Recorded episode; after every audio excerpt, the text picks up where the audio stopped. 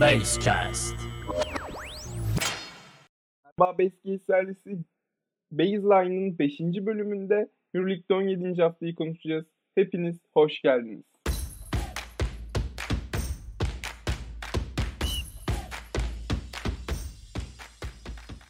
Evet 17. hafta olarak genel bir özetleme gerekirse çok eğlenceli maçlar izlediğimizi düşünmüyorum. Ee, çoğunlukla takımların altta kaldığı, kendi potansiyelinin bile altında kaldığı maçlar yaşandı bana göre. O yüzden çok memnun olduğum bir 17. hafta yaşa- yaşadığımı söyleyemem. Hemen temsilcimizin temsilcilerimizin maçına geçelim. Anadolu Efes ve Real Madrid oynadılar. Anadolu Efes 73-65 Real Madrid'e yenildi İstanbul'da. Mitsic ile Larkin toplamda 12'de 0 üçlük atış isabeti buldular diyemeyeceğim. İsabeti bulamadılar. Yani Anadolu Efes'i maçta tutan yine de Mitsic'ti bana göre. 16 sayı, 5 rebound, 5 asist. Olabildiğince yapmaya çalıştı elinden gelen şeyleri ama onun da yetmedi. Çabası yetmedi. Larkin kötüydü zaten. İyi olsa bu maçı mutlaka kazanırdı. Efes tabi Real Madrid'in J.C. Carroll'la bulduğu 2 üçlüyü de unutmamak lazım. Son dakikalarda yani son 1 dakikada J.C. Carroll çok kritik bir tane üçlük attı ve belki de Euroleague'in en iyi saf şütörü olduğunu kanıtladı bizlere. Yani o ana kadar çok iyi bir maç geçirmiyordu ama her şeyi unuttu. Her şeyi unuttu maç hakkında ve gitti oraya iki tane üçlük attı. Buzdolabı gibiydi adeta yani. Hiç duygularını işin içine katmadı.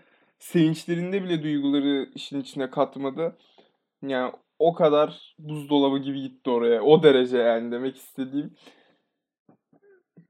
Yani ve sanırım onun ödülünü de aldı.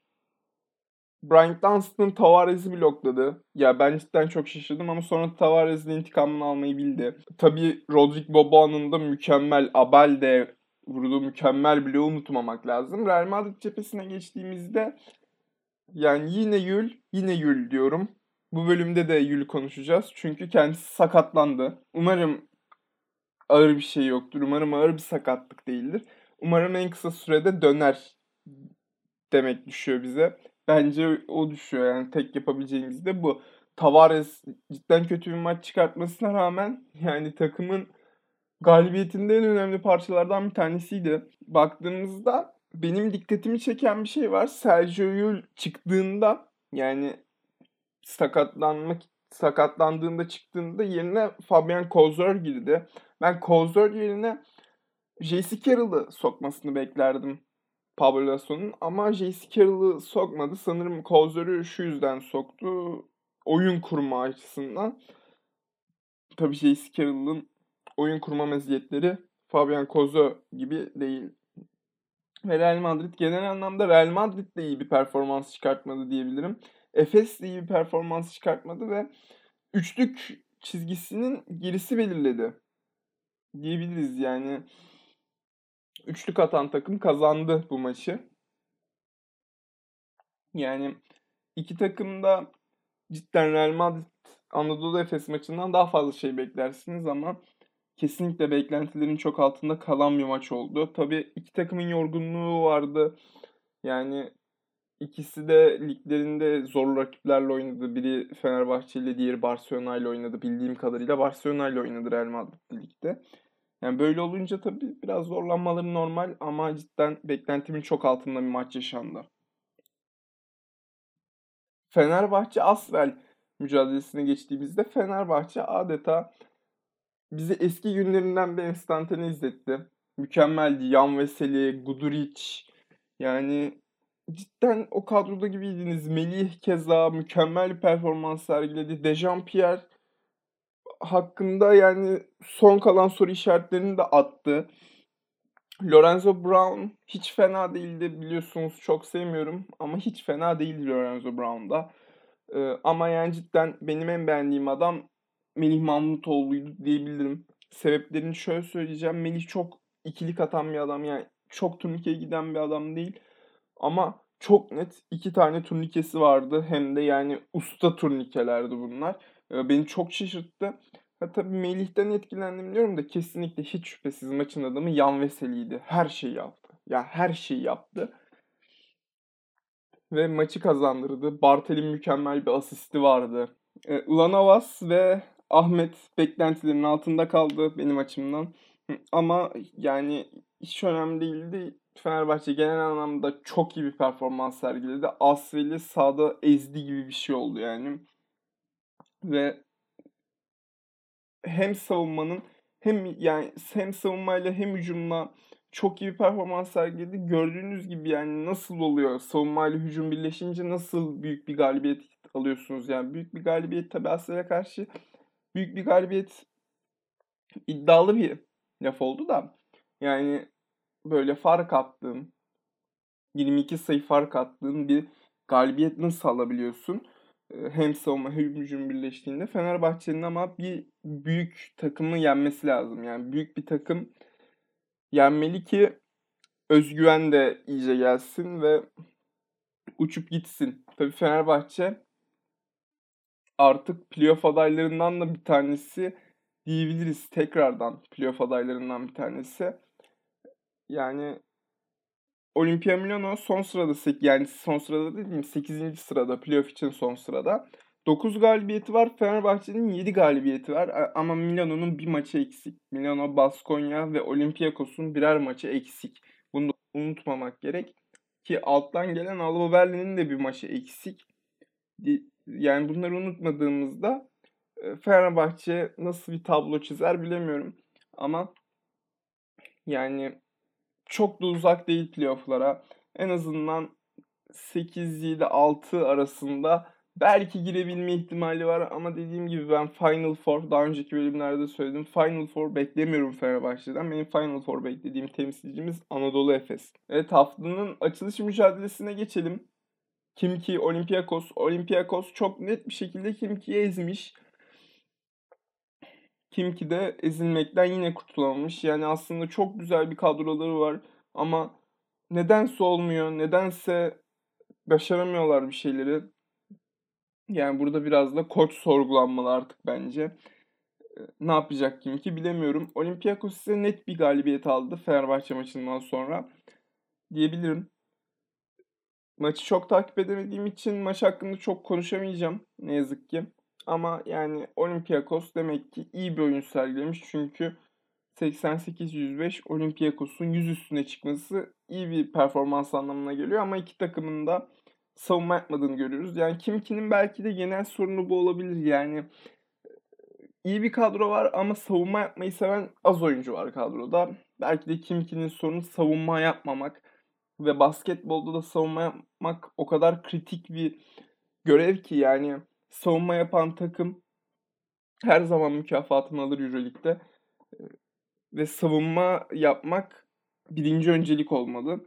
Tabii Kimki'de yani Şvet var.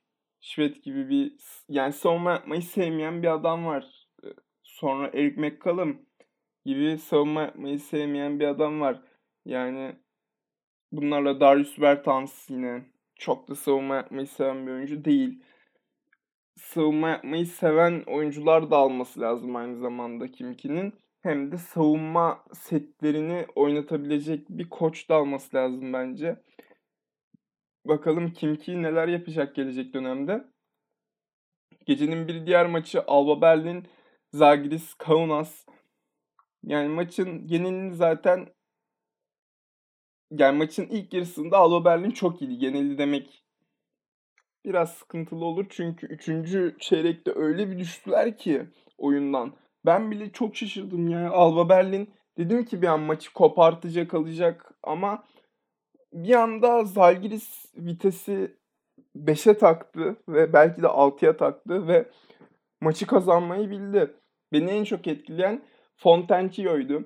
Cidden Alba adında çok iyi bir performans sergilediğini düşünüyorum. 14 sayı, 5 rebound, 4 asist çok güzel bir performanstı. Luke Sigma iyiydi. Niels Giffey iyiydi. Yani aslında genel anlamda çok ileride Jonas Matisek tabii bir rebound dışında ve bir top kaybı dışında hiçbir katkı vermedi ve 21 dakikaya yakın oynadı. Biraz ondan kötü bir e, enerji aldılar. Bir de Tayman'dan. Ama genel anlamda baktığımızda Alba Berlin de çok iyi bir basketbol oynadı.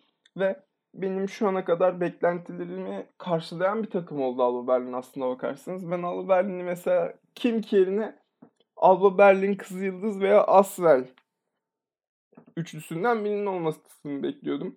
Ama şu ana kadar benim beklentimin üstünde bir performans sergilediler. Zalgiris Kaunas zaten yani haftalardır mükemmel oynuyor. Çok da övüyorum kendilerini. Yani Ma- Marius Grigonis, Jeffrey Lovern ve Nigel Haynes mükemmel oynadı ve maçı getirdiler takıma diyebilirim. Yani bence bu üçlüydü maçı getiren. Hele hele e, Jeffrey Lovern mükemmel bir performans sergilediğini düşünüyorum kendisinin. Cidden çok iyiydi. Zaten 16 sayı, 7 rebound, 2 tane de asisti var. E, çok güzel de bir smaç vurdu. Yani umarım o da ritmini daha da arttırır. Çünkü yani ben Geoffrey Lover'ın potansiyelinin bu oyundan daha fazlası olduğunu düşünüyorum. Yani 20 sayı 10 reboundlara, 11 reboundlara rahatlıkla çıkabileceğini düşünüyorum. Yani vitesini bir tık da artırabileceğini düşünüyorum kısacası. Umarım bunu yapar. Tabi zamanla göreceğiz bunu. Bakalım onun geleceği de ne olacak? Fenerbahçe'ye hiç uymamıştı. Bakalım. Yani şu ana kadar Zalgiris'te çok iyi oturmuş gibi gözüküyor. Bakalım neler olacak onun geleceğinde de. Umarım dediğim gibi o vitesi 5'e takabilir o da. Evet Maccabi Tel Aviv Zenit mücadelesine gelelim. Yani Zenit beni şu ana kadar şaşırtan takımlardan diyebilirim. Kesinlikle diyebilirim. Çünkü Xavi Pascual'in artık işinin bittiğini düşünüyordum. O Barcelona kadrosunun kurulu düzenine oturduğunu düşünüyordum ve Panathinaikos'la da e, hiçbir başarısının olmadığını ama her şeyin tesadüfen yaşanmadığını gösterdi bize Xavi Pascual. Maccabi'ye karşı mükemmel bir maç çıkarttı takımı. Yani ben cidden Zenit izlerken ayrı zevk aldım diyebilirim. Yani Ponitka, Kevin Pangos cidden çok iyi oyuncular. Ee, ilgimi çeken adamlardan biri de e, Alex Poitras oldu. Yani şu ana kadar yine beklentilerin üstüne çıkan bir uzun. Aynı Jalen Reynolds gibi. Jalen Reynolds'tan da büyük beklentilerin olmadığını söylüyordum size. Aynı Poitras gibi. Poitras'tan da çok büyük beklentiler yoktu ve şu ana kadar beklentilerin çok üstünde oynuyor. Çok atletik bir oyuncu. Özellikle hücumda çok şey vaat ediyor Zenit'e. Yani Zenit cidden iyi bir kadro kurdu. Makabi cephesine geldiğimizde ben şöyle söyledim. Makabi savunmayı yapabilirse çok farklı bir takım haline gelir demiştim. Ama yok yani yapmak istemiyorlar herhalde. Yani Elijah Bryant ve e, Tyler Dorsey'nin maçta tuttu diyebileceğimiz bir maçtı. Scottie Wilbeck'in yani 9'da 2-3 sayılık attı yani ve takıma çok zarar verdi. Çok kötü tercihlerde bulundu. 18 sayı atmış olabilir ama onun yerine yani 40 dakika oynamış belki de yani. Sadece doğru oyun oynamış bir adam olsa Maccabi bu maç alabilirdi. Ama Scottie Wilbeck'in kesinlikle o doğru oyun oynayamadı. Tercihleri %90 ihtimalle hatalıydı. Çok az doğru tercihini gördüm. Scottie Wilbeck'in eğer bu takımın lideri olacaksa bunu daha iyi bir şekilde yapmalı. Performansını daha da yükseltmeli ve o liderlik e, duruşuna sahip olmalı ama şu ana kadar Scottie Wilbeck'in de ben bunların hiçbirini göremiyorum. Doğru kararlar her zaman liderlerin en büyük özelliğidir.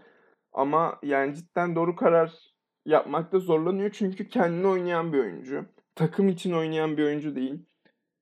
Ve takım için oynayan oyuncular lider olmalıdır diye düşünüyorum. Yani o yüzden Scottie Wilbeck'in liderlikten şu ana kadar çok uzak. Umarım en kısa sürede lider olmanın inceliklerini anlar ve lider olmak için e, savaşır artık demek istiyorum onun hakkında da. Yani genel anlamda Maccabi de çok kötü bir performans yani Maccabi oyununa göre kötü bir performans sergilemedi. Yoksa Maccabi'yi ben çok sevmem yani basketbol olarak. Barcelona maçı hariç. E, Maccabi'yi çok basketbol olarak sevmem ama kendi startlarına göre hiç fena oynamadı. İşte birebirler, işte ikili oyunlar falan öyle takıldılar. Hiç 5 kişinin topu eline değdiği bir hücumda izlemedik Maccabi'de. Öyle bir performans sergilediler ama Zenit mesela öyle değil. Zenit e, takımla kazandı bunu ama Maccabi kazansaydı büyük ihtimalle Scottie Wilbeck'in veya Elijah Bryant veya işte Zizic, Tyler Dorsey yüzünden falan kazanacaktı.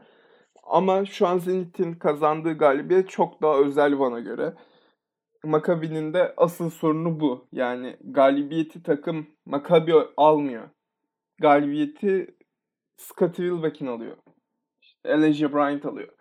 İşte Barcelona maçında onları sevmemin en büyük sebebi de şuydu. Yani galibiyeti takım aldı. Galibiyeti Maccabi Tel Aviv aldı. Yani takım olabilirlerse kesinlikle Final Four yaparlar. Kesinlikle yani %20 ihtimalle, %30 ihtimalle falan değil yani. Yüz, %100 ihtimalle Final Four yaparlar ama takım halinde oynamaları gerek. Tabi gelecek günler gösterecek Maccabi'nin akıbetinde. Çok umutlu değilim takım halinde oynamaları için ama belli mi olur? Evet Baskonya Valencia.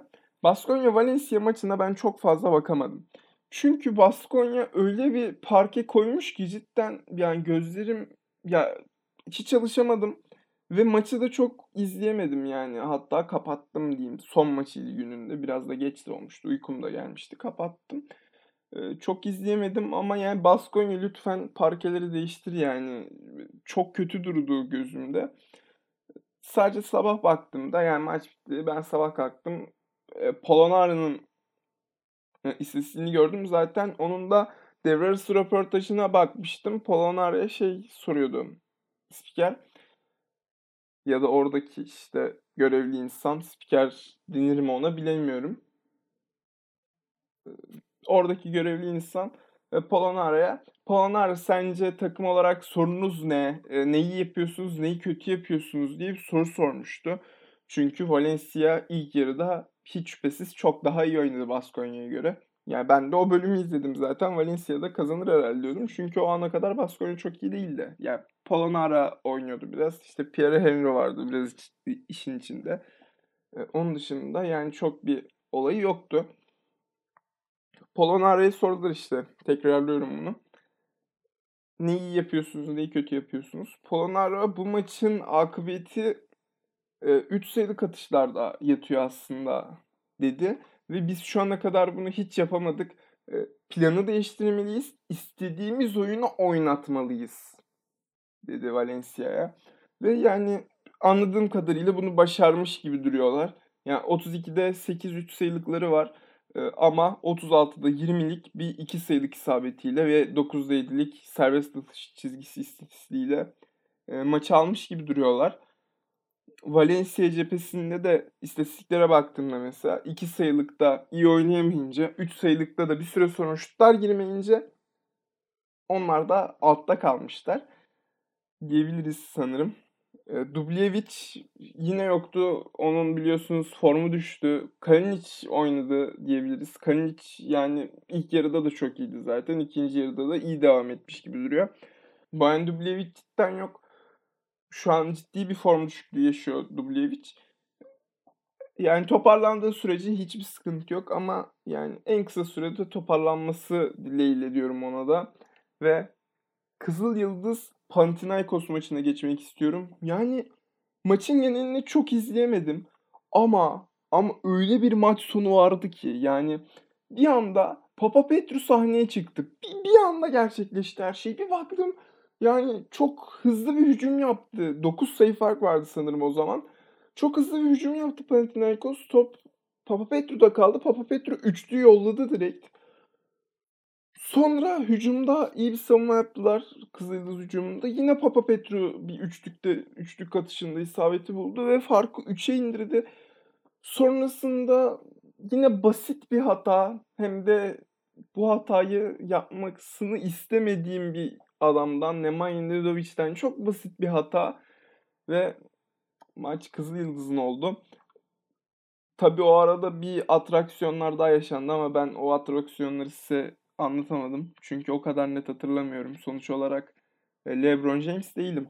Hatırlarsanız o da e, Boston serisindeydi yanlış hatırlamıyorsam. Maçta son iki dakikayı anlatmıştı işte.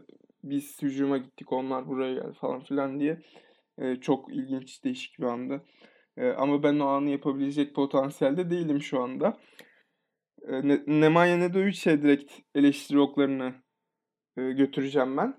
Çok sevdiğim bir oyuncu ama e, Yiğit'i öldürmek de lazım arada. O onda 2 3 sayılık nedir? Yani tamam geçen hafta mükemmel bir maç çıkarttın ama yani bu hafta da mükemmel bir maç çıkartmana gerek yok. İyi bir maç çıkartsan yeter. Belki yani bu toplardan 5 tanesini değil yani 2 tanesini farklı bir şekilde oynasalar maçı almışlardı, maçı kazanmışlardı. Yani böyle detayların önemli olduğunu düşünüyorum ve umarım e, Vovras sanırım Panathinaikos'un yeni koçunun ismi. İlk ismini unuttum ama soy isim yani Vovras olması lazım ya da Vavras olması lazım. Yani yine yanlışlık yapıyorsam özür dilerim kendilerinden. Ama yani buna bir çözüm bulmalı. Ve Panathinaikos diyorum her maçı savaşıyor en azından. Her maçta mücadele ediyor en azından. Ama geriye baktığımızda sonucunu alamamış gibi duruyor hiçbir zaman. Tamam mücadele var ama yani baktığında 16. sırada Panathinaikos şu anda bir maç eksiği var ve 16. sırada. Yani onlarda da aslında genel bir sorun var. Bakalım bu sorunu nasıl bertaraf edecekler. Cidden merakla bekliyorum. Kızılyıldız ise e, Radonjic anlaşmıştı. Radonjic de takıma iyi gelmiş gibi duruyor. Bakalım o nasıl bir çizgide ilerletecek takım merak ediyorum. En son Radonjic yanlış hatırlamıyorsam bir Bayern Münih macerasına atılmıştı ama çok da iyi bir Bayern Münih izleyemedik onun elinde. Ama Kızıldız'la her zaman çok iyiydi ve tekrar o orta sıra takımı haline gelebilir mi Kızıldız bilemiyorum. Ya biliyorum Kızıldız'ı çok eleştiriyorum. Yani bazen biraz abartıyorum eleştirinin dozunu ama yani Kızıldız'ın bu formüllerle yani acilen transferleri iyi yönetmesi gerek. Eskiden olduğu gibi genç yetenekleriyle altyapıdan çıkarttığı oyuncularıyla sahneye çıkması gerek diye düşünüyorum. O yüzden yani böyle dışarıdan aldıkları oyuncularla çok büyük bir başarı sağlayabileceklerini düşünmüyorum ve bu beni deli ediyor. Evet biraz yani sert bir görüş biliyorum. Ama yani eski formülü neden şu an uygulamıyorlar ki takım kötü gidiyorken anlamış değilim. Yani tek kırgınlığım, tek kızgınlığım bunun bu yüzden. Bunu da belirtmek istedim çünkü yani bazen cidden Kızılyıldız'a eleştirinin dozajını kaçırabiliyorum. Hız kesmeden Bayern Münih Barcelona maçına geçelim. Yani Barcelona'ya oh canıma değsin dedim vallahi maç izlerken. Oh bir rahatladık dedim yani. Oh dedim. Sonra Barcelona yani biliyorsunuz Sortel konusunda Barcelona'ya çok kızgınım ve Barcelona'nın bu düşük performansının sebeplerinden bir tanesinde şunun olabileceğini düşünüyorum. Şimdi o gün o gün Yaskevicius çok büyük bir hata yaptı. Yani hiçbir açıklama gelmedi taraflardan. Şu Yaskevicius eğer şöyle yapsaydı mı? Tam Hörtel'i kendisi de istemiyor takımda. Ama yani o gün Hörtel'in arkasında dursaydı geçen hafta ve hayır Hörtel'i almıyorsanız uçağa ben de bilmiyorum. Hörtel'le beraber dönerim deseydi. Hiç yani Hörtel'i de almak zorunda tak- kalırdı yönetim. Neden? Yani çünkü Yaskevicius'tan daha iyi bir koç bulmaları şu anda çok daha zor bir yani Yaskevicius bu konuda kendine güvenmiyorsa diye söylüyorum. Yani benim fişimi çekebilirler diye düşünüyorsa diye söylüyorum yani bunu. Ama yani böyle bir ihtimal yok. O gün Hörtel'in arkasında dursaydı eğer oyuncular da ekstra etkilenirdi. Çünkü yani sevmediği bir oyuncunun, yönetimin istemediği bir oyuncunun bile arkasında durdu. Ona sahip çıktı fikri yerleşirdi oyunculara ve daha iyi bir ilişki kurabilirdi oyuncularla. Ama şöyle bir şey yaptı o. Hiç ses etmedi anladığımız kadarıyla ya da belki de kendisi istedi uçağa binmemesini. Bilmiyorum ama o gün yani ses etmedi en azından diyelim.